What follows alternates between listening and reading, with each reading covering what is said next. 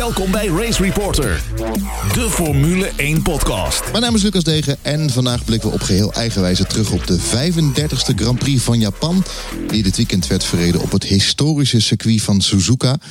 Dank voor het VR Café Haarlem, waar we nu zitten. Je kan hier VR-games spelen en VR-racen, wat ik vorige week heb gedaan met Charles.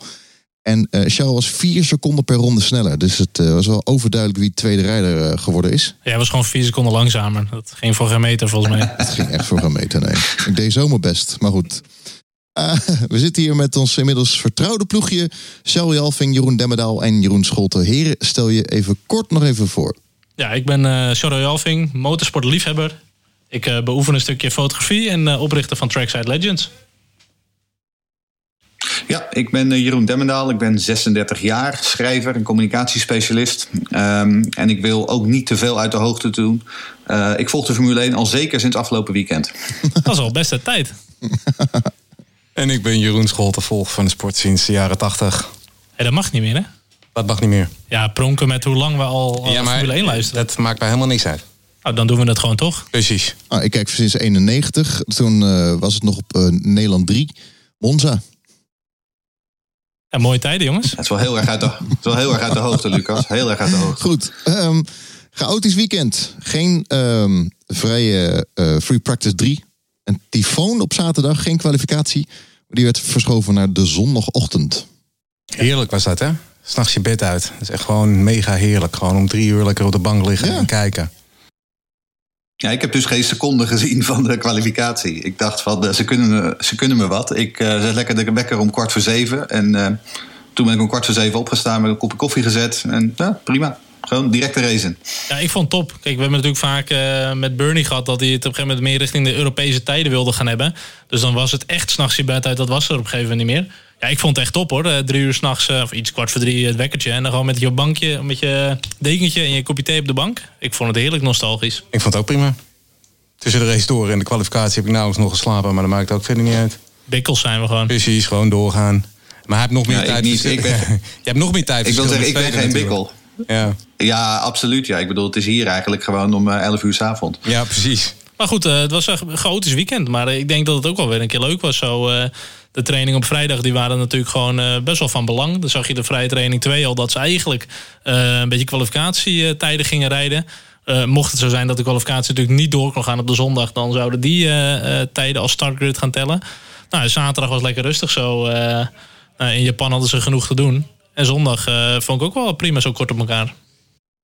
Ja, ik vond die tweede vrije training heel erg fascinerend. Um, wat je zegt, omdat ze eigenlijk vooral in kwalificatiemodus aan het rijden waren.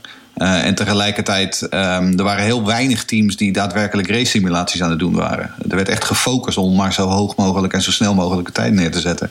Uh, meestal zijn die FP2's een beetje, een, beetje een beetje saai, omdat ze van die lange race simulaties doen. Maar deze was echt leuk om naar te kijken. Nou, ik twijfel of Ferrari echt een uh, quali-simulatie heeft gedaan. hoor. Die, die stonden 4 en 5 of 5 en 6 zelfs achter Albon volgens mij.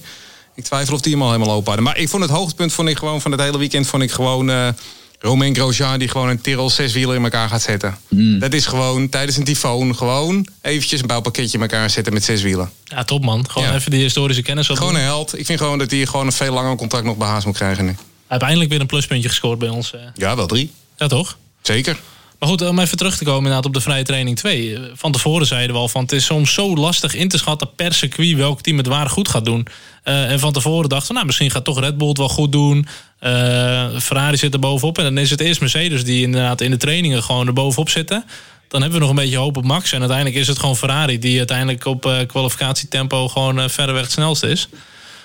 Maar goed, daar gaan we het zo nog even verder over hebben, denk ik. Goed, kijken we naar Mercedes. Mooie gevechten hebben we gezien eh, sinds lange tijd volgens mij tussen Lewis Hamilton en Sebastian Vettel. Maar eh, Lewis kwam er niet voorbij. Vond het ook niet echt een heel erg super mega vet gevecht hoor. Nou, maar toch wel eventjes één, één ronde wel. Ja, één, ja, ja, ja. Nou, ik had er iets meer van verwacht. Ik zag eh, Hamilton erop aanstormen. En ik denk, nou, gaat nog wat worden. Maar uiteindelijk viel het best wel tegen eigenlijk. Ja. Nou, ik vond vooral dat Hamilton, Hamilton weer een prima radiovorm was. Eh zat weer lekker te miepen over de radio, lekker zeiken. Eh, eh, de diva Hamilton stak weer de kop op. Snapte natuurlijk ook geen reet van de strategie. Ik wel overigens, want Mercedes stelde gewoon de, veile, de zegen van Bottas veilig. Um, want Bottas reed wat mij betreft een uitstekende wedstrijd. Prima start, controleerde de race vanaf dat moment. Um, en was gewoon de veiligste kaart voor Mercedes uh, voor de raceoverwinning. Super start. Ja, en Bottas die verdiende het eigenlijk ook gewoon natuurlijk. Die had nog wat, uh, een kleine IOU van Hamilton. Uh, misschien wel een paar. Die had natuurlijk gewoon een meesterstart. Uh, ja, die controleerde eigenlijk gewoon de race. Dus dat, die had ook wel verdiend moeten winnen. En uiteindelijk was het voor Mercedes ook gewoon haalbaar om, om de zesde wereldtitel als constructeur binnen te halen op rij. Nou, dan is het ook iets waarvan je dan zegt: jongens, we gaan het op veilig spelen en we gaan hem gewoon binnenhalen. Dan is de rest van het seizoen is nu gewoon lekker ontspannen, gewoon race hopelijk. Ja, dat begrijp ik wel. Maar ik denk dat ze Hamilton wel eerder binnen hadden moeten trekken. Want nu kwam hij wel heel ver achter Vettel terecht. En dat is wel een dingetje wat hij zelf zei. Maar ja, goed, dat heeft ook te maken met die softs natuurlijk. Ik weet niet hoe lang die het vol hadden gehouden in die laatste stint. Maar uh, ik vond hem ook wel erg, dat ze hem erg lang buiten hielden, moet ik eerlijk zeggen. Ja, we hadden ook nog een, een vraag van een van onze luisteraars hierover. Van Arjan. Die vroeg, um, was die laatste pitstop van Hamilton wel nodig? Want de levensduur van de banden leek nog ruim voldoende. Of, zo stelt hij, was het om Bottas tegemoet te komen.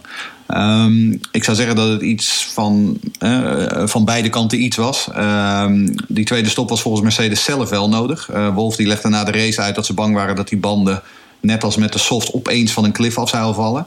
Uh, wat ze ook bij anderen hadden gezien. Tegelijkertijd, uh, die, gewoon die pitstop maken, uh, Hamilton vervolgens um, op, op plaats drie laten en dan Bottas die race laten winnen. Dat past natuurlijk ook wel bij het One Happy Team plaatje, wat ze na afloop zo graag wilden communiceren naar de buitenwereld. Had het ook niet een beetje te maken, dat verhaal met die banden, met het feit dat ze gewoon iets minder longruns hebben kunnen oefenen nu? Geen derde vrije training, tweede vrije training die ook deels over kwalificatie ging. Gewoon wat minder data. Ja, volgens mij had het in het begin wel over dat de degradatie vrij hoog leek. Dus ik denk dat ze gewoon ook op veilig hebben gespeeld. Uh, absoluut. Maar goed, Mercedes uh, voor de zesde keer op rij wereldkampioen. Daar is ook wel iets voor te zeggen. Uh, we hebben het er van tevoren natuurlijk in de eerdere podcast wel eens over gehad. Voor, ruim voor de zomerstop. Dat er misschien nog wat meer tegenstand kon komen. Die is er op zich gekomen. Maar Mercedes heeft natuurlijk gewoon maximaal geprofiteerd van de fouten van Ferrari. Van onze dronken Baviaan. Red Bull waar het gewoon nog niet loopt. Ja, wel petje af. Ja, het is gewoon met afstand het beste team in de Formule 1. Um, uh, op, al, op alle vlakken. Ze zijn gewoon de beste. En ik bedoel, wij hebben veel geklaagd over Bottas dit seizoen. Maar als je kijkt naar zijn cijfers, uh, 13 keer op het podium, toch gewoon drie keer gewonnen. Um, ik bedoel, dat is uiteindelijk, wordt hij ook gewoon nu op zijn gemakje tweede in het kampioenschap. Dat doet hij gewoon heel goed. Uh, en het team is gewoon uitstekend georganiseerd. Um, ja, ik bedoel, er valt helemaal niks op af te dingen. Ja, je zegt dat op zijn gemakje wordt die tweede. Maar het was nog niet zo heel lang geleden. Na Hongarije, toen zat uh, Verstappen hem op de hielen. Geloof zes, zeven puntjes of zo. Ja. Ja, daarna is het toch... Uh, hebben ze toch weer verder opgepakt. Maar goed, dat mag van mij wel eens voorbij zijn met die dominantie. Want volgens mij heeft Ferrari het uh, een keer gedaan... dat ze vijf keer achter elkaar wereldkampioen waren. Met Schumacher. Uh, nou, met Red Bull, met Vettel natuurlijk vier keer ja, dit, uh, voor mij mag het volgend jaar wel even voorbij zijn hoor. Uh, tijd voor een ander team uh, die ermee vandoor mag gaan. Dit is gewoon autosportgeschiedenis wat ze even schrijven. Dit is gewoon het beste team wat ooit heeft gereden. Het is gewoon, over, over twintig jaar kijken we terug op dit team en dan denk je, jeetje, dat waren tijden. Dat is echt zo. Maar dat was in de, dat was in de Schumacher-dagen bij Ferrari ook zo. Hè? Iedereen zat toen zomaar te klagen van... ja, het is zo saai, hij wint 15 wedstrijden per seizoen. En ik zei tegen iedereen, dit is geschiedenis wat je nu aan het, uh, aan het zien bent. Um, dit is ongeëvenaard. Dus uh, ja, ik bedoel, dat is nu wat je zegt met Mercedes ook zo. En toen, toen als klein jongetje dacht ik... nou, dit zijn toch records die zullen echt tot in den treuren niet verbroken gaan worden. En uh, niet, niet al te lang later... Komt hij ja, weer? Ja, ze gewoon weer. Maar ook, zelfs die records van Hamilton die staan niet veilig. Als je ziet hoe, hoe jong Leclerc en Verstappen en dan al winnen en al dat soort dingen meer. Alle records die staan op de tocht. Het wordt steeds jonger allemaal. Ja. Senna was een supertalent en die debuteerde op zijn 24ste. Verstappen debuteert op zijn, wat is het? 17e. Daar ga je al. Race Reporter, de Formule 1 podcast. Racereporter.nl Het weekend van Verstappen in uh, Hondaland. Het was, uh, de, de vraag is, was het drama een ramp, een afgang of een verschrikking? We hadden in ieder geval veel meer van verwacht. Ik ga voor de verschrikking. Ja, ik sluit me er best wel bij aan, ja. Ja, ik vond het echt een verschrikking. Nou, dan ga ik voor een ramp. Oké. Okay. Nee, met name die kwalificatie. Van, kijk, wat er in die eerste bocht gebeurt, daar kon Verstappen niet zoveel aan doen. En Red Bull al helemaal niet. Maar uh, ik vond uh, de kwalificatie echt ontluisterend. Uh, van tevoren hadden we het erover dat Honda iets extra zou brengen. En misschien wat meer vermogen zou geven. nou ja, daar is helemaal niks van gekomen. 0,8 seconden. Ja, en een enorm gat. Ja, wat ik zo opmerkelijk vond, was dat je vervolgens Gasly na afloop uh, hele positieve woorden hoort uh, spreken in de pers over Honda. En hoe blij die was met zijn nieuwe Honda-motor. Dat vond ik al wel weer typisch. Het, het contrast tussen hoe de Red Bull-jongens die motor ervaarden en hoe dat bij ja. Toro Rosso eraan toe ging toen jij nog lag te slapen, toen zaten wij naar de kwalificatie te kijken. En het was weer, weer riep hij de hele tijd: no power, no power, no power. Is het niet gewoon. Ja. hij heeft gewoon die power niet. En dat, uh, dat op zich was voor mij ook echt een verschrikking het weekend. om even Jeroen aan te halen. De ramp was voor mij op zaterdag en de verschrikking op zondag. Want het gaat echt nergens over. En om ook even terug te komen op de records. De jongste, jongste wereldkampioen ooit voor Max zou ik ook nu gewoon uit ons hoofd gaan zetten. Want de kans dat dat nog gaat lukken lijkt me nu verder weg dan ooit. Ja, we hebben ook nog een vraag binnengekregen inderdaad van uh, Martijn Gijsbers. Uh, hij vraagt, wat moet er bij Red Bull Honda veranderen? Willen ze het totaalpakket wel bij elkaar krijgen? Ja, eerlijk gezegd weet ik het op dit moment zelfs niet eens meer. Kijk, het totaalpakket, dat moet gewoon volledig samenlopen. De motor die moet gewoon nog beter, meer vermogen. Moet wat consistenter gaan worden. Elke keer toch in de kwalificatie inderdaad dat hij niet genoeg power heeft. Uh, er moet een betere quali slash attack mode opkomen. Maar goed, ook de integratie met het chassis, die moet gewoon vanaf begin af aan beter zijn.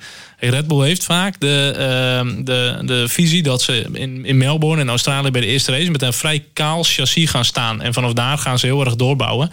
Uh, daardoor, mede daardoor hebben ze altijd een redelijk uh, matige seizoenstart. Ja, als ze echt willen meevechten, dan moet je gewoon vanaf dag 1 gewoon staan.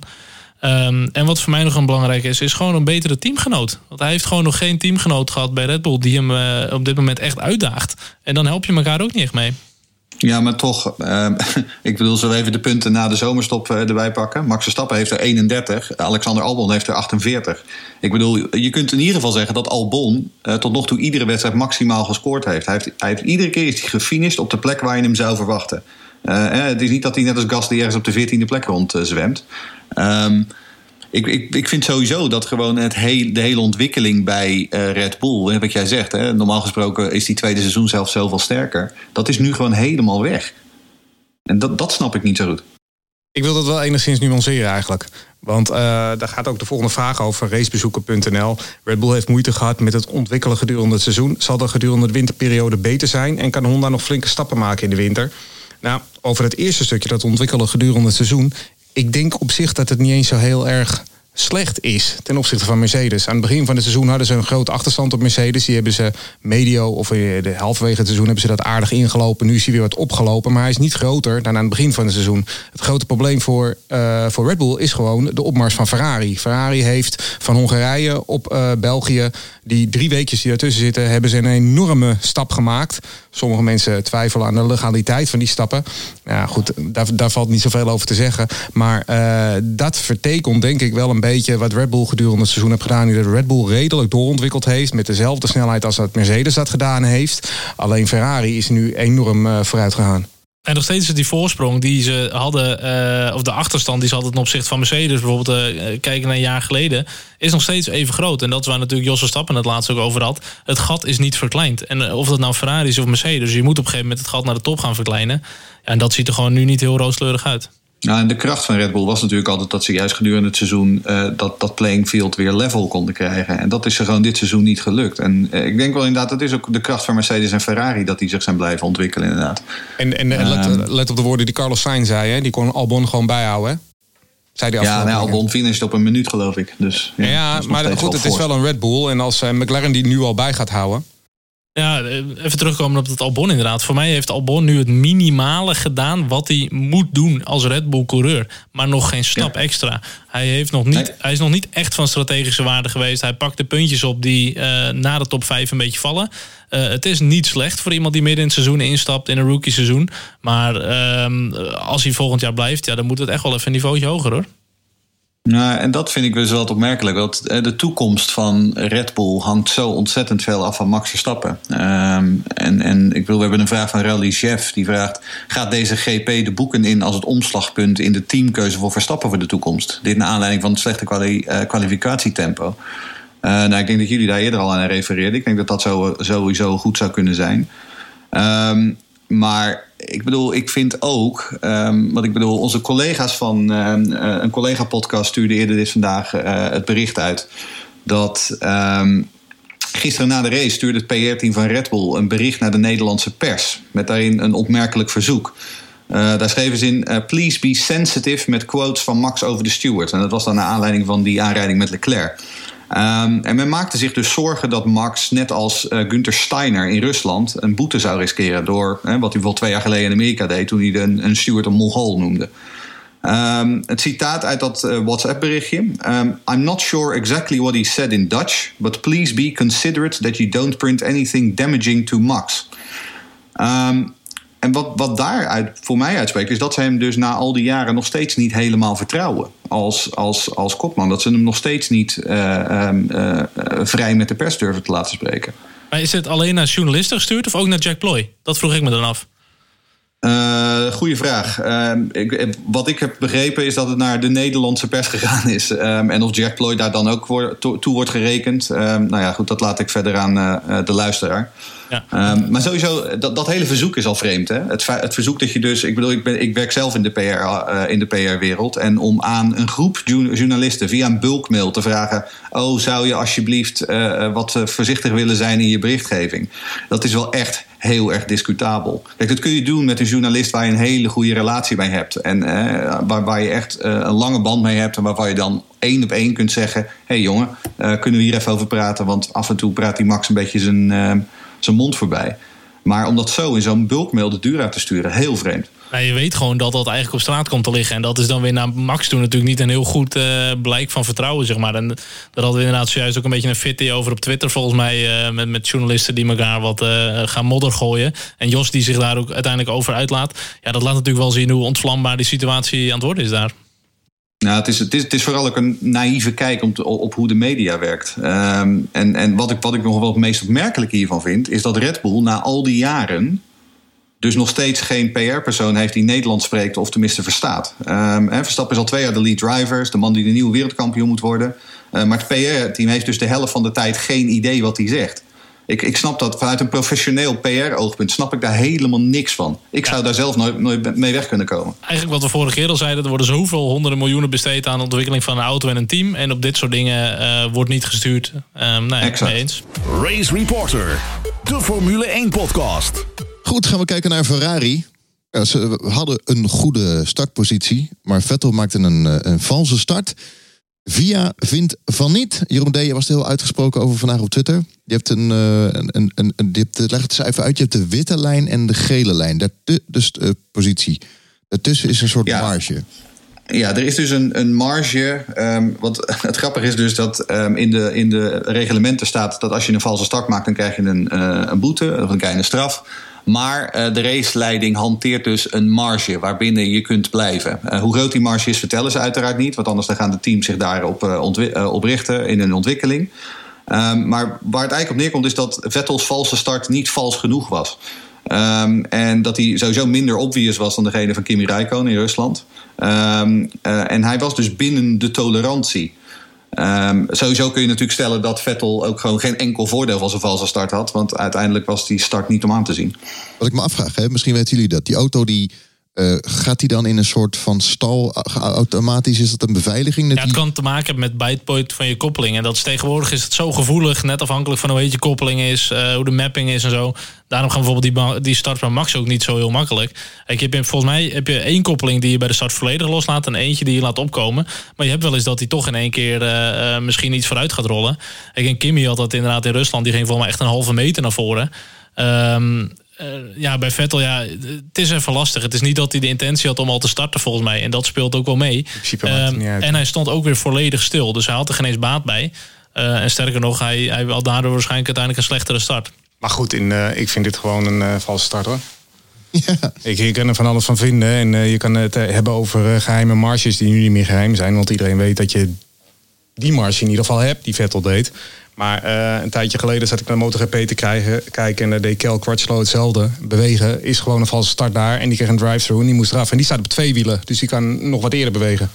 Ja, op zich. Als het ook met, met iedereen ziet het. Dit is gewoon een valse start. Kom als je het ook met andere sporten vergelijkt, met schaatsen of uh, weet ik het wat. Ja, als je daar ook maar inderdaad beweegt, dan is het al als een valse start. Ja, ze mogen daar voor mij wel duidelijker in zijn, inderdaad, absoluut.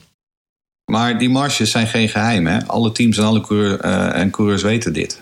Ehm, het, het, de Bottas die maakte een paar jaar geleden een uitstekende start in Oostenrijk. Ja. Waar we allemaal van stonden te kijken. En dat had dus, er dus mee te maken dat hij precies binnen die marge viel.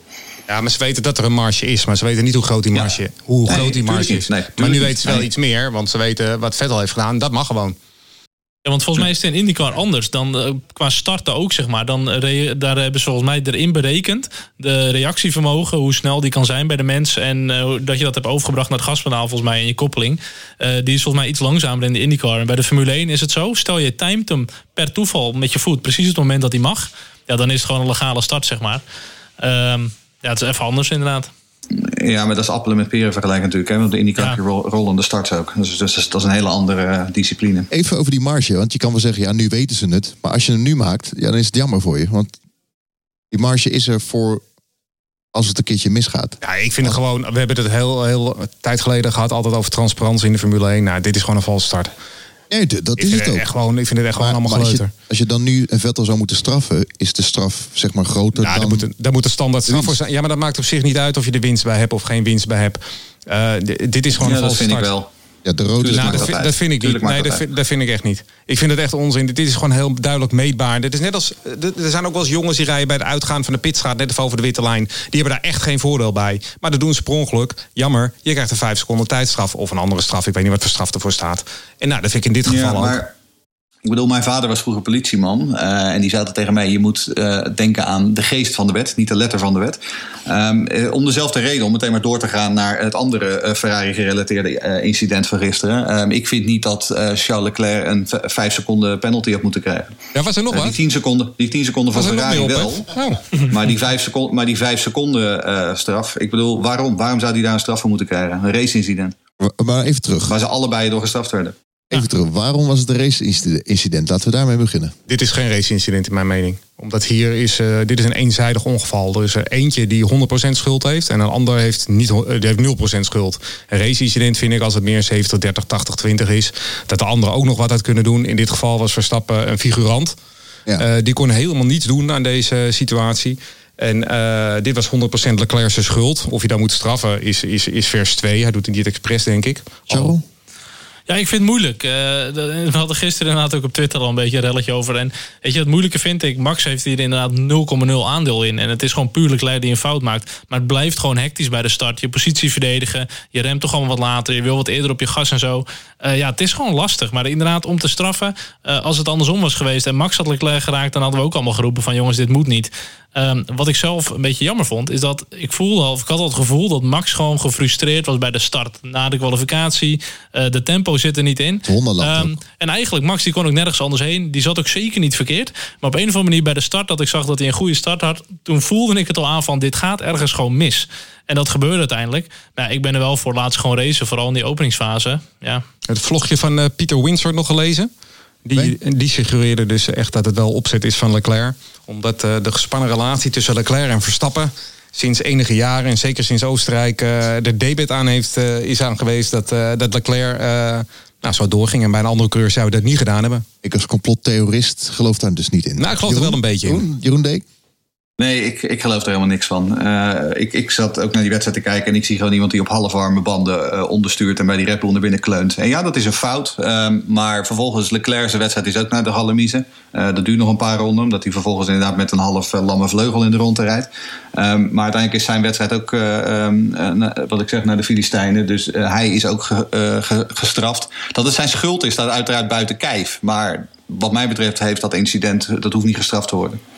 Nee, ik zou inderdaad eh, dat Leclerc het eh, eh, met opzet heb gedaan, zou ik gewoon bewaren voor de complotcast. ja.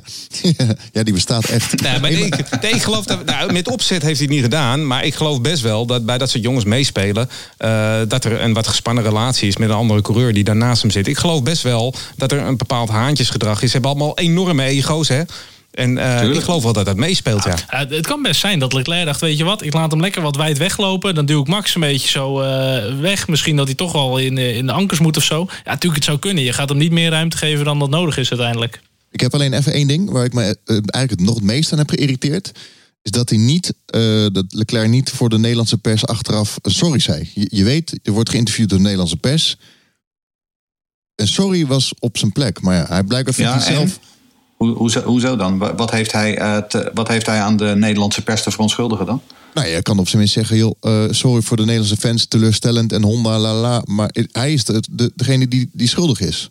Niet bewust of niet, maar dat had het, de, de pijn wat verzacht. Nou, als we het hebben over egootjes, ik denk dat Charles Leclerc de Nederlandse fans werkelijk echt volledig aan zijn reet zal roesten.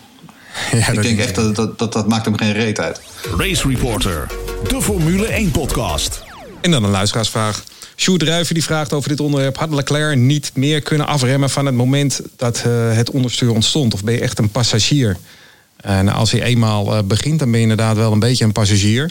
Maar ja, dat heeft dus heel veel te maken met hoe je erin gaat. Hij had natuurlijk net even een fractie eerder kunnen liften. En dan had hij het moment niet meegemaakt. Maar dan was Verstappen er wel langs geweest. Uh, maar als hij eenmaal onderstuurt, dan is het wel heel lastig, ja.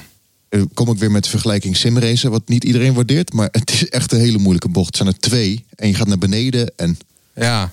Ja, ja. Ja, ik ga geen vergelijkingen maken met simrace in ieder geval.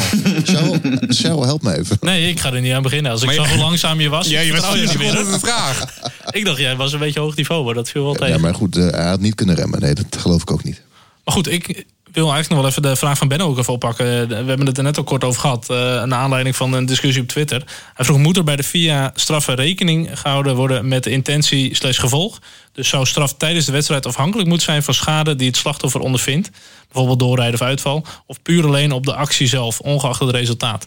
Kijk, ik denk dat uh, als ik dat van Jeroen D. inderdaad aanhaal, uh, dat je er absoluut rekening mee moet houden. Kijk, als je ziet dat de intentie er niet is en het gevolg is er niet, dan vind ik dat je in dat opzicht. Uh, het is een gray area, maar dan vind ik dat je daar iets milder voor kan zijn.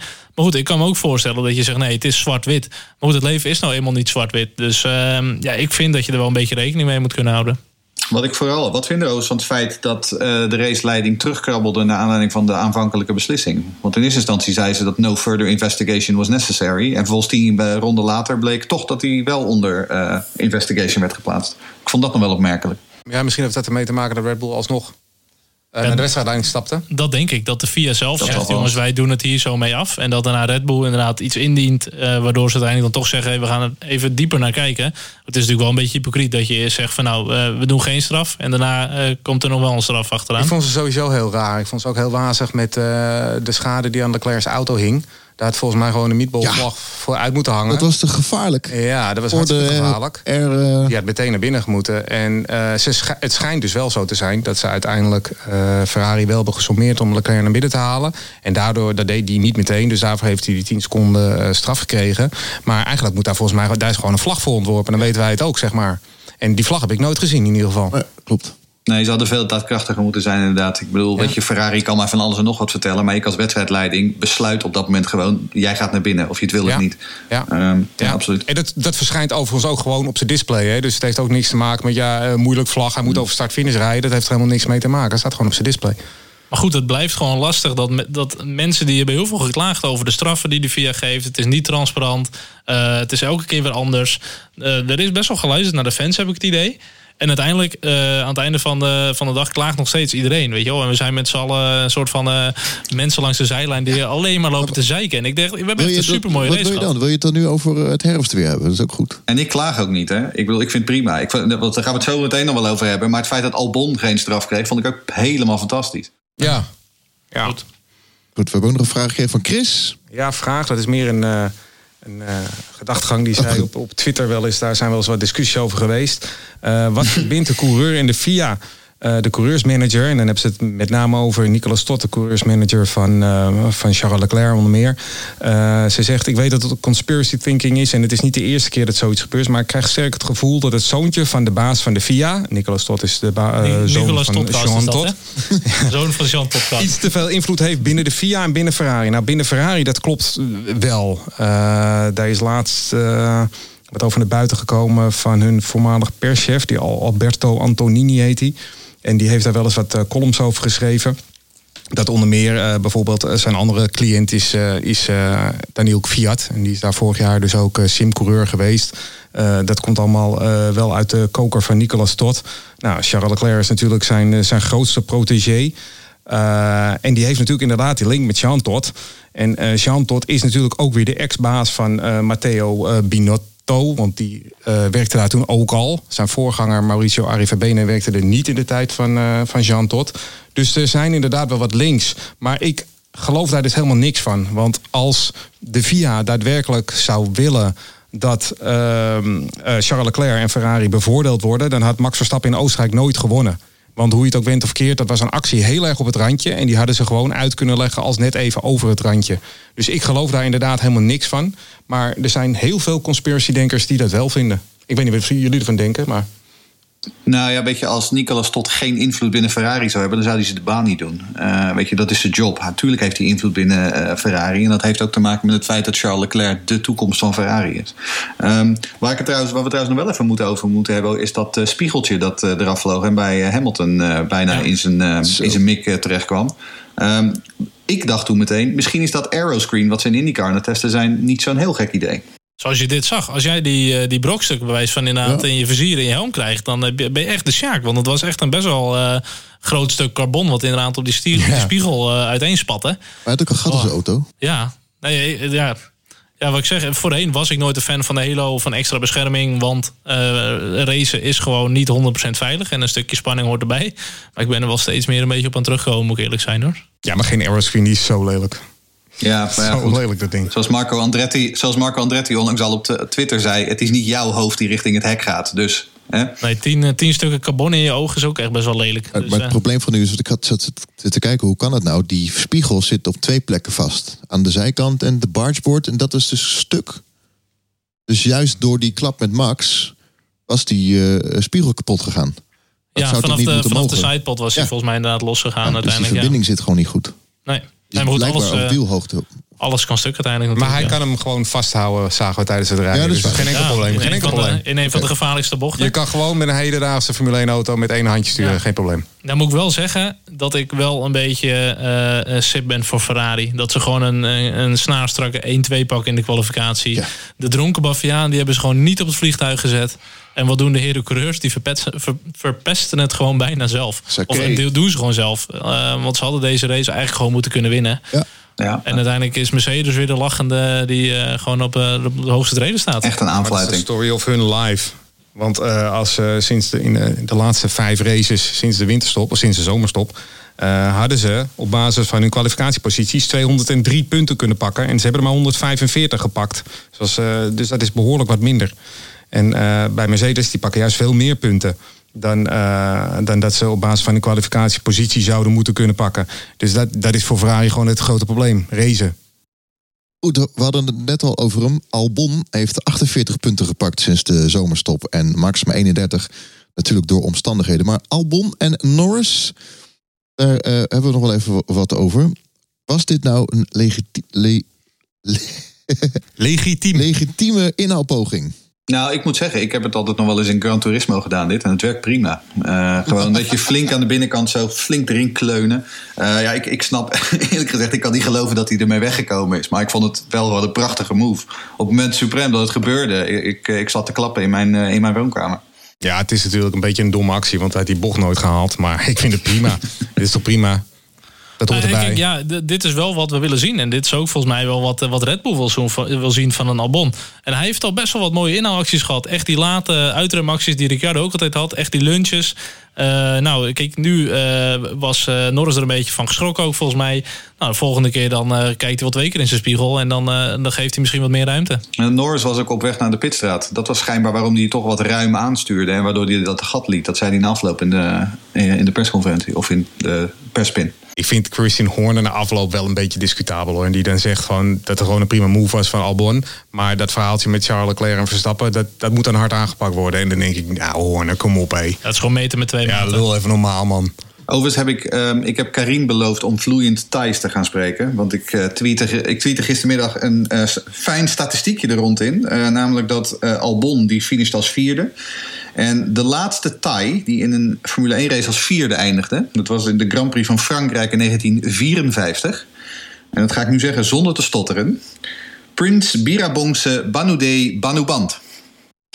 Weet u dat ook weer? Vier keer. Ik, ik weet niet hoe het, eh, het origineel klinkt, zeg maar, als iemand uit Thailand het uitspreekt. Maar het klonk op zich eh, wel goed. Nou, hij heette Prins Bira voor vrienden schijnbaar. Oké. Hey, top. Een vraag van Joost binnengekregen. Hoe is het mogelijk dat de actie van Albon op Norris niet eens onderzocht is? Sinds wanneer is iemand op die manier de baan afrijden toegestaan? Ja, we hebben eigenlijk net al behandeld. Um, het is geen goede actie. Nee, dat klopt. Maar ik vind van mij uh, hoef je hier niet voor te straffen. Dit is gewoon racen. En dat het niet onderzocht is, het is noted. Uh, volgens onze theorie van daarnet heeft McLaren dus, uh, dus niet een klacht ingediend. Dat zal het wel zijn, denk ik. Dat is het enige wat ik kan bedenken. En via laat het verder lopen. En Norris vond het verder ook prima. Dus misschien had hij al over de radio al wat gezegd. Dat zou ook nog kunnen. Ja, die, die jongens zijn natuurlijk ook best wel goede vrienden. Dus dat zou best wel mee kunnen spelen hoor. Dat zo'n uh, vete die je tussen Max en uh, Leclerc hebt, dat je daar echt gewoon genade, genadeloos bent. En iemand met wie je gewoon heel goed bent, dat je dan denkt, nou ja, als je dit nog een paar keer doet, zijn het geen vrienden. Nee, dan uiteindelijk niet meer. Maar goed, Albon die heeft wel nu zijn beste resultaat uh, ooit gehaald in de Formule 1. Dus dat is ook wel weer wat waard. En hij had natuurlijk in de kwalificatie exact dezelfde, dezelfde tijd als Max Verstappen gereden. En dat was ook wel een dingetje. Max was natuurlijk niet helemaal comfortabel. Ook qua power distributie niet, zeg maar. Maar goed, hij had hem wel precies gematcht. Race Reporter, de Formule 1 podcast. We gaan even bellen met Rob, bekend op Twitter via uh, Bushok. Rob, welkom in de podcast. Yes, en, dankjewel. Uh, Rob, uh, jij bent in Japan al twee, drie weken. Hoe lang ben je daar nu? Ja, bijna drie weken. Morgen drie weken. Ja. Oké. Okay. voor de mensen die jou nog niet kennen, stel jezelf nog even voor. Ja, ik ben Rob Bruigoms. Twitter te vinden als Bushok. Ja. Ik kom uit Groningen en uh, ik ben ook al jarenlang uh, Formule 1 liefhebber, eigenlijk uit het Jos Verstappen tijdperk. En uh, ik heb een heel lange wens gehad om naar Japan te gaan als land sowieso. dat komt met name door de modelbouw, daar hou ik heel erg van. En Japan is een modelbouw mekka. Ja, en de Japanse Grand Prix stond ook al lang op de lijst. Dus en die droom is verwezenlijk nu. Ja, we hebben je kunnen volgen op Twitter, leuke filmpjes ook gepost. Je hebt er een paar Nederlanders ontmoet. Dankjewel. Ja, heb jij wat gemerkt van die tyfoon? Ja, ik wil zeggen, ja. Ja? Ja, ik, uh, ja zeker wel. Uh, ik ben die dag niet naar huis uit geweest, zaterdag. Oké. Okay. Ik dacht van, uh, Rob, uh, ga nou even niet bij de hand doen. want nou ja, de waarschuwing die vlog hem op horen over de telefoon ook. En ze waren al bezig, ze, ze, ze nodigden ouderen al uit in onze stad om het te evacueren. Ja. En ja, de wind die boeit zo hard. dat, ik had heel, heel ruraal, echt in een open, open gebied, buiten, net buiten de stad.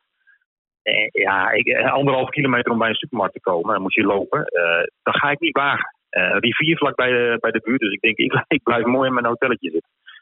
Dus zeker was van gemerkt. Ja, nee, maar ik bedoel, wat gebeurt hier allemaal? Ik bedoel zelf, je hebt niet, ja. uh, niet, niet de angsten uitge... Nou, niet angsten, nee, maar je bent wel alert. Ik, ik heb natuurlijk wel uit het raam gekeken en, dat, en uh, de kom raam deed een klein beetje open. En dan dacht ik al van, oké, okay, ik doe hem weer dicht. Weet je wel zo, dat, dat idee. Goed, en zondag de race, hoe heb je die ervaren? Um, ja, er was een, een doelpunt, een flinke doelpunt natuurlijk, dat Max uh, na 15 ronden al uitviel. Dat had ik niet verwacht en dat is toch wel, ja, op een circuit, dat weet je zelf ook wel, krijg je toch wat minder goed mee uh, wat er nou exact gebeurt in plaats van dat je achter je televisie zit. Dus wij hadden natuurlijk die botsing wel gezien op ons scherm en ja, heel, heel erg ver tegenover ons konden we dat ook al zien in bocht 2. Maar uh, ja, ik, ik kon wel aan de rondetijden zien dat het niet goed ging. Ik hielp natuurlijk al bij in de app. En ik dacht van ja, wat is er aan de hand? En toen las ik op Twitter zeg maar, dat, die, dat ze banden een flatspot hadden. Nou, zou het misschien dat zijn dat die uh, uit elkaar geshaped wordt in die auto. Uh, maar het was echt wel op een wel twee seconden of zo volgens mij wat hij verloren op anderen. Maar ja, toen, ja, toen hij dus ging pitten, dat gebeurde dus hè, want de pitlane entry was ook recht tegenover onze tribune. Dus konden we prima zien. Uh, toen dacht ik van oké, okay, nieuwe bandjes, nu gaat het beter. Maar uh, toen zag ik hem dus de pits inrijden. dat was wel een teleurstelling. Ja, vooral, ja. vooral, hier natuurlijk, Honda, Honda Land. Ja, hadden we veel van verwacht. Ja, je hoorde ook. Ja, je hoorde ook. ik heb het ook nog even teruggekeken op YouTube. Je hoorde ook bij die crash, zeg maar. Dat was echt recht tegenover de Honda-tribune. Ja. Dat bocht 2, daar zit een enorme Honda-tribune. Allemaal mensen die petjes en vlaggetjes hebben gekregen met duizenden mensen. En dan hoor je, oh, zo hele grote, je hoort echt bijna een harten breken, zeg maar. Echt zo, uh, ja, zo mooi en ook wel zo pijnlijk om, uh, om te zien en te horen. Het circuit is echt, heeft een heel grote indruk op mij gemaakt. En uh, dat heeft een aantal redenen. Met name zeg maar, de organisatiegraad. Die is enorm hoog. Dat mag je wel een beetje verwachten van Japanners. Maar hoe alles ingedeeld is, wat het te krijgen is, is, is extreem goed. Ik ben op een aantal circuits uh, geweest in mijn leven. Niet zo heel veel hoor, maar ik heb toch wel wat gezien. Maar dit is echt de top. Uh, je moet alles krijgen qua eten en drinken. Het is ook overal te krijgen langs het circuit. Eh, de toilet- toiletten zijn dik en dik in orde. Ik heb zelfs powder rooms gezien voor vrouwen. Ehm, ja, het, eh, mensen zijn super vriendelijk. Het is super schoon. Eh, nou ja, ik, ik, ben, ik heb een kleine track, trackwalk gemaakt eh, donderdag tot en met bocht 1. Zelfs het circuit ziet er ook echt super top uit. Alle, curves netjes geschilderd. Het asfalt is, is een biljartlaken. Eh, ja, het is echt grote, grote complimenten voor het circuit ook. En met name ook voor, eh, voor wat er zaterdag gebeurd is. Want ze hebben de hele bende af moeten breken. Ja. En toen ik zondagochtend om half tien weer op het circuit stond, was het net alsof er niks gebeurd was. En dat vind ik echt zo knap. Dat is echt heel knap. Je, je kent het circuit natuurlijk van tv jarenlang kijken. Je hebt het waarschijnlijk ook wel eens een Ja, keer op de computer gespeeld. Maar hoe, hoe was jouw eerste Ja. ervaring? Je komt aan op dat circuit. Wat, is, wat was je eerste, Ja. allereerste indruk? Ja, het zit ook wel in mijn filmpjes eh, die ik heb. Ik heb heel veel filmpjes gemaakt over het circuit, wat ik daar beleefd heb. Eh, echt, echt, je, je merkt meteen van, oh, oh, dit is echt heel goed geregeld. Oh, het ziet er mooi uit. Er zit een compleet pretpark ook nog omheen. En alles, ja, eh, alles ademt motorsport, autosport en gasvrijheid. En, en, en ja, zeer goed uitgerust zijn. Het, het is echt, het is dat het zo ver weg is, hè. Maar het is een enorme aanrader om heen te gaan. Echt. Eh, eh, ja, om alle redenen. En, en ik heb eh, oh ook qua ja, autosportbeleving, ook de fans, die zijn echt waanzinnig. Ik heb heel veel interviewtjes gemaakt met fans. En hoe ze zich uitdossen, want het is net een groot carnaval daar in Japan. En het is prachtig om te zien. Mensen die als Senna verkleed zijn, als Niki Lauda verkleed zijn. Ik, ik heb, ik heb samurai, Ferrari Samurai gezien. Ik heb de gekste helmen gezien met auto's bovenop, met motorblokken, met blikjes Red Bull. eh, de- nou, echt, echt van alles. Zelfgemaakte shirts eh, van, eh, van Ferrari. Of, weet ik- het, is echt, echt superleuk. En de mensen, over het algemeen spreken ze niet zo heel goed Engels, maar ze vinden het wel heel leuk als je ze aanspreekt. Dus ja, ik, ik, ja, een enorme aanrader, Suzuka. Ja, absoluut. En wanneer ga je weer terug naar huis? Morgen. Morgen. Morgen dan gaan we vliegtuigje weer terug. Ja, Oké. dat is weer gebeurd. Drie weken lang prachtvakantie in, eh, in Japan. Want Ik ben ook nog op Fuji geweest. Eh, ik heb daar de overwinning van Racing Team Nederland gezien. Ik ben te gast geweest bij Jeroen Blekenmolen, wat ontzettend leuk was. Een hele leuke vent ook. Dus eh, ik heb daar ook eh, geweldig naar mijn zin gehad. Oké. Nou, we hopen je gauw een keertje in het echt te ontmoeten. Bedankt voor je bijdrage. En Ja. een go- hele, hele goede reis op goede vlucht morgen. Dankjewel. Thanks for having me. En eh, nou ja, veel succes. Oké, Dankjewel. De Formule 1 podcast. Race Reporter. Renault rijdt nog dit jaar, of nee, McLaren rijdt nog dit jaar met Renault motoren. Ja, Renault ook natuurlijk, nog wel. En volgend jaar ook nog. Hè? maar eh, Helaas wel, ja. de mooie ge- gevecht Renault versus McLaren en Sainz won. Hij deed goed. Ja, ik zou bijna willen zeggen eh, Renault versus Saints. Eh, het is nu dat letterlijk eh Saints heeft één puntje minder dan het complete Renault Formule 1 team. En dat, daar komen we misschien zo meteen nog even op terug. Dat is nog als Renault hun punten mogen behouden van deze race. Nou, ik heb dikke respect voor de jongen hoor. Die, eh, die doet het echt fantastisch. Elke keer weer best of the rest. Super snel, super stabiel. Nou ja, en best of the rest. Ik bedoel, hij is gewoon op dit moment in de strijd om de zesde plaats in het wereldkampioenschap eh, eh, betrokken. Eh, dat wordt nog een interessante strijd. En ik bedoel, kijk, Albon, ik gok dat als Albon het zo, zo doorgaat, dat hij op, op termijn wel die zesde Ja, plek overneemt. Moet doen Maar zijn. Toch, hoe dan ook. Ehm, prima, prima seizoen van Sainz. Ja, Gasly heeft hij natuurlijk ingehaald. Dus hij staat nu in principe zesde in het kampioenschap. Nou, als je ziet dat eh, eh, Mercedes, Ferrari en Red Bull eh, eh, samen zes auto's hebben... dan is in de McLaren 6 te staan absoluut niet slecht. Nee, er zitten nog, wel, eh, nog maar 12 puntjes tussen. In de laatste 6, 7 races op rij scoort Albon keurige punten. Dus ik denk dat, dat, eh, dat Albon wel gewoon 60 gaat worden uiteindelijk.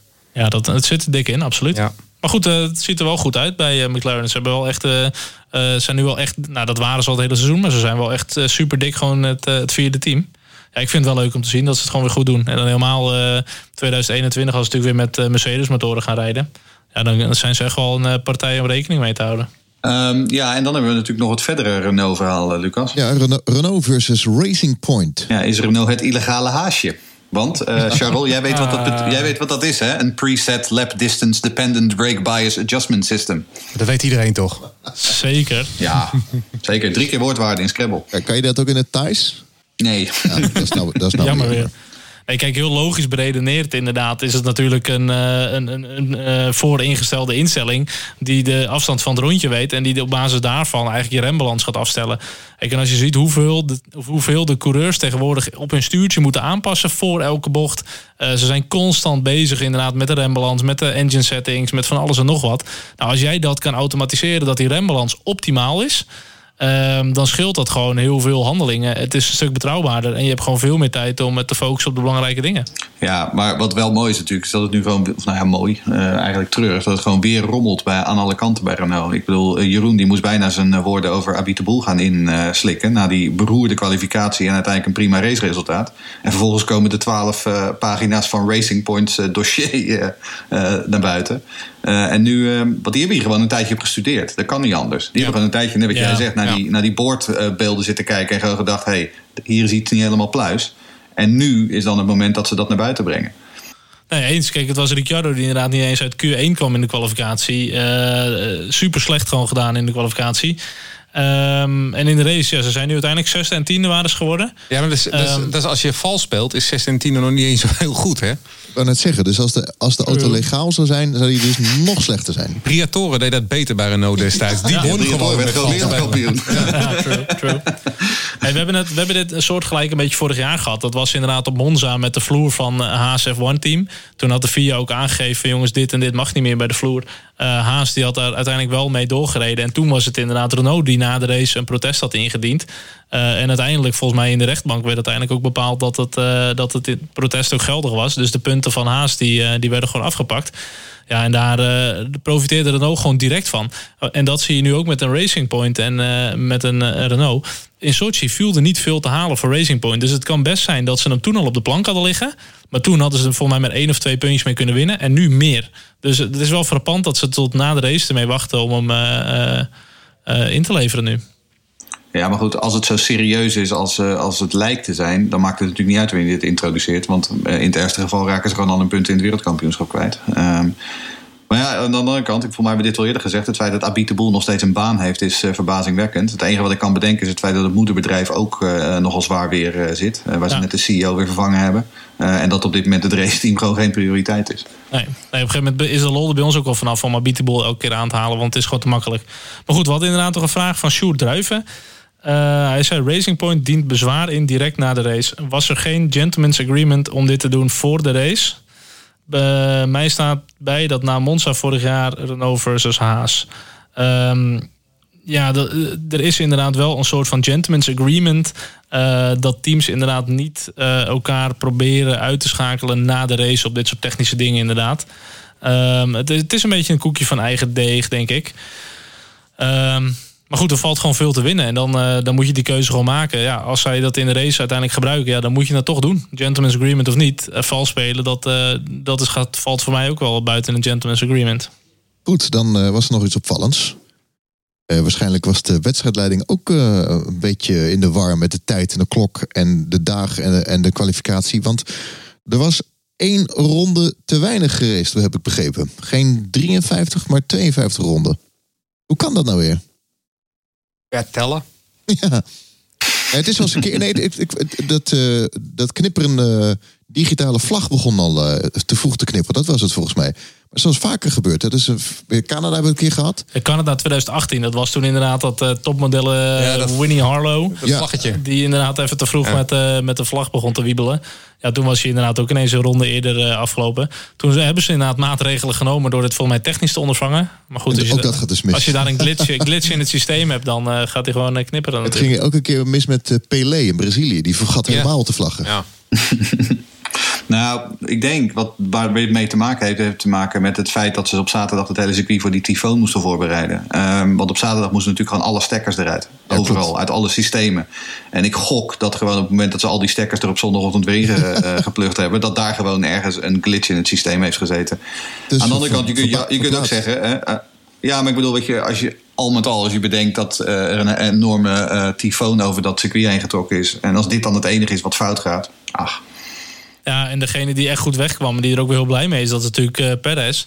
Die uh, eigenlijk in, uh, in de, de laatste ronde, of eigenlijk uiteindelijk dus in de uitloopronde, uh, crashte met Kvyat. Dat is met Gasly trouwens. Ja, die is wel goed weggekomen hoor. die pakken daar gewoon even puntjes nu. Ja, ja, kan gebeuren. Maar goed, uh, Gasly ging verder wel lekker weer. Uh, tempo zit hem een stuk beter bij Toro Rosso. Uh, hij lijkt echt wel weer goed op zijn plek te zitten. Lekker vrij te kunnen racen. En wellicht ligt het chassis hem ook gewoon wat beter. Maar hij doet het zeker niet verkeerd. Ja, maar dit is het mysterie Gasly. Hè? Um, ik bedoel, zet hem in die Red Bull en hij, en hij komt helemaal nergens. En zet hem weer terug in die Toro Rosso. En opeens vindt hij het heilige vuur weer. Ik, ja. Dat is geen touw en vaste in, in, in, het voetbal heb je dat ook. Hè? Dat uh, subtoppers die kunnen wel bij subtoppers er bovenuit steken. En dan gaan ze naar AS Feyenoord of PSV. En dan wordt het net even minder. En dat zou hier ook kunnen zijn. Kuipvrees noemen ze dat geloof ik daar. ja. Goed. Um, Alfa Romeo en Haas deden het ook weer heel goed uh, afgelopen weekend. Even tellen hoor. Uh, nul punten erbij. ja, voor alle vier. Ongelooflijk. Kijk, van Haas weet ik het inmiddels wel. Maar Kimi... Haalt geen punten sinds de zomer. Giovanazzi heeft er een paar gescoord. Een negende plek en een tiende plek. En voor de rest Kimi helemaal niets. Grosjean helemaal niets. Kevin Magnussen één, één puntje een keer. Ja, het is echt dramatisch met die teams. Ja, ze op de Zweedse tv hadden ze een interview met Magnus in de, de voorbeschouwing. Um, en toen, vroegen ze, toen zei ze tegen hem van ja, het is uh, wel moeilijk om van de buitenkant te zien uh, of jullie vooruitgang boeken. Hij zegt nou, dat is vanaf de binnenkant ook heel moeilijk te volgen. ja. maar hij bevestigde in principe dat wat wij, wat wij in onze voorbeschouwing ook concludeerden, um, dat Haas in feite gewoon geen ontwikkeling heeft gezien in 2019. Ze zitten nog steeds op hetzelfde prestatieniveau als in Melbourne.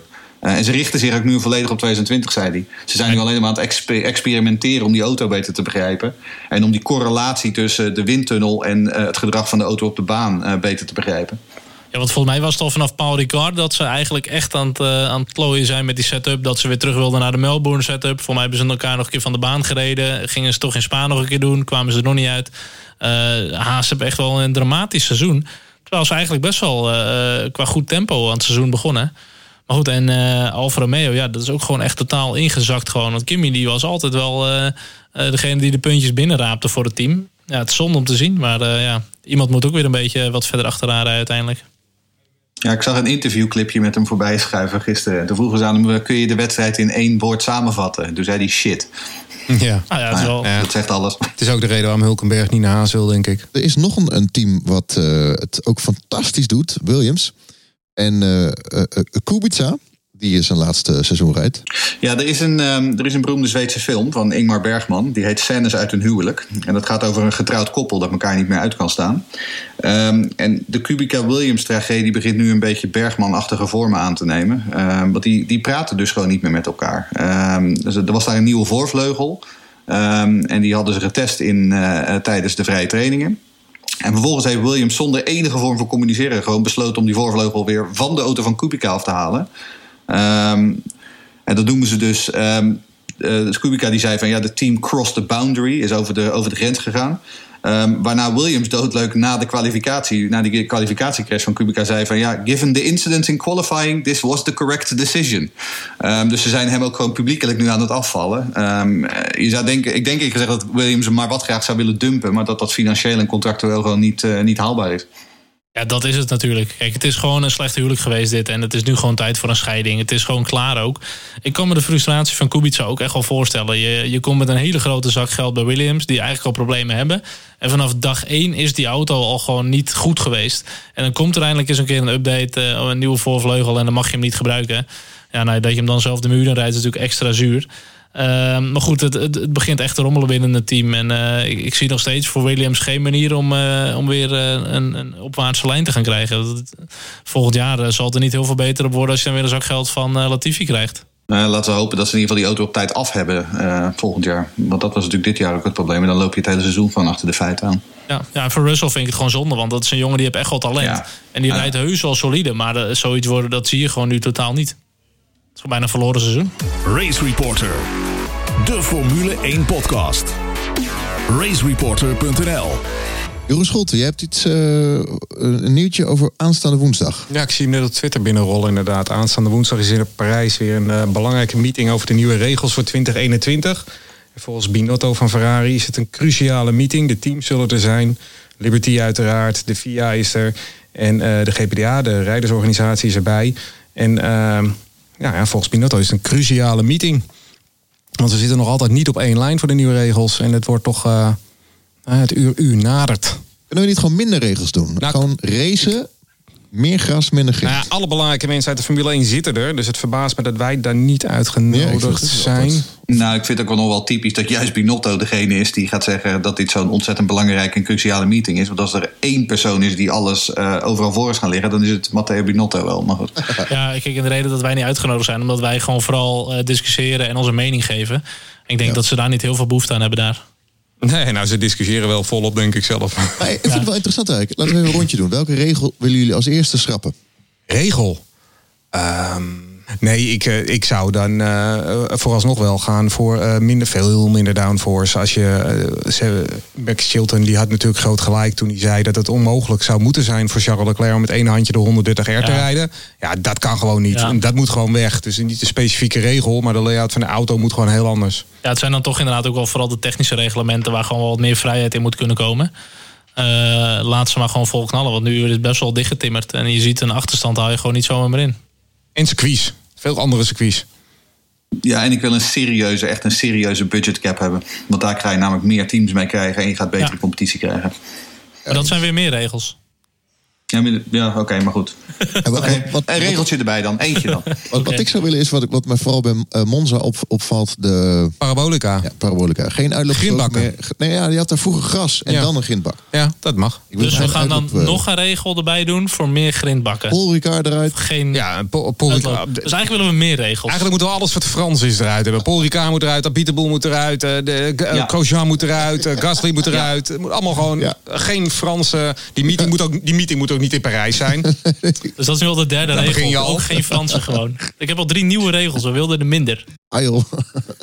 Nou, maar ik, maar ik bedoel, het is wel, als je kijkt naar Suzuka nu, hè, dat toch een vrij klassiek circuit is, waar gewoon nog veel grindbakken en veel gras zijn. Ik bedoel, ik vind dat toch honderd keer mooier om naar te kijken dan naar zo'n Zilo, Sochi of, of Paul Ricard of weet ik veel, Nee, eh, wat, wat, wat tegenwoordig aan die moderne banen hebben.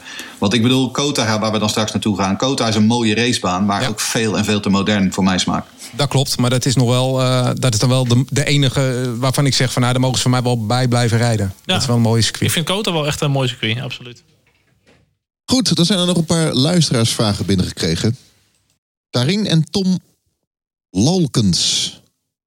Lalkens. Ja, die vroeg inderdaad, onder andere Hamilton had het op zijn Instagram erover dat hij liever een weekend met twee dagen heeft dan met drie dagen zoals afgelopen weekend.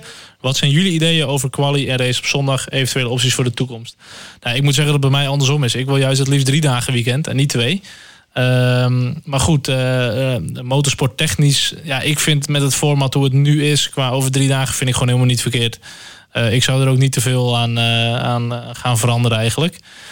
Dus ik ben er vrij neutraal in. Daar ben ik het helemaal mee eens. Ik vind het ook qua opbouw gewoon altijd heel mooi om te zien. Eh, het begint met twee vrije trainingen. Ook als je er een weekend bent, is het hartstikke leuk om mee te maken. Begin met twee vrije trainingen. Dan krijg je eh, de derde vrije training kwalificatie. En de derde dag is, is belangrijk. Dus ook, eh, het wordt echt naar een climax voor de toegewerkt. Dat vind ik gewoon een hele mooie layout. Nou, en het is natuurlijk ook zo. Ik bedoel, ik moet op vrijdagochtend en vrijdagmiddag als ik op kantoor zit, moet ik gewoon ook met een half oog naar de vrije training kunnen kijken. Ik bedoel, dus die vrijdag moet er gewoon bij blijven. Ja, eens. En ik moet ook zeggen, Hamilton op Instagram niet te serieus nemen. Want ik zag de dames bij ons op de timeline al helemaal wild worden van Hamilton in zijn boxershort. Dus eh, ik ga dat niet al te serieus volgen wat hij daar allemaal doet. Nee, anders zou ik ook in mijn boxershort op Instagram staan. Kijk ik ook zoveel aandacht. Kijk of ik zoveel aandacht krijg. Eerst Instagram aan. Ik ga Instagram openen vanavond. Je aan, hè? Nee. Maar dan moet je wel even een regenjasje op, hè? Regenjasje om? Ja, de blauwe. Die van je, van je Oh, Twitter. ja. ja Goed. ja. Tot zover de nabeschouwing van de Grand Prix van Japan. Over twee weken de grote prijs van Mexico. Op het circuit Autodromo Germanes Rodriguez. En ehm, ja, laten we hopen dat Max het eh, daar weer goed Van doet. Mexico weer. Er er voor. Mexico. Dat is van de zangeres zonder naam, hè? Toch? Ja, zeker ja. Ik ga hem niet nadoen, want dat, eh, nee. Ik wil nog even, even nieuwe donateurs eh, bedanken voor, donateren, eh, voor het doneren. Eddie Krikke, Dennis Broekhart, dankjewel. André Zinnemers. Zin in me. Zinnemers. Eh Zinnemers, ja. Ze staan op eh, racereporter.nl slash support. Like, share, doneer, reageer. Eh, check onze website racereporter.nl. Volg ons op Facebook, Instagram en Twitter. En dank voor het luisteren. Heren, dank voor jullie medewerking. Natuurlijk, graag gedaan. Graag gedaan. Ook graag gedaan. En eh, tot volgende week.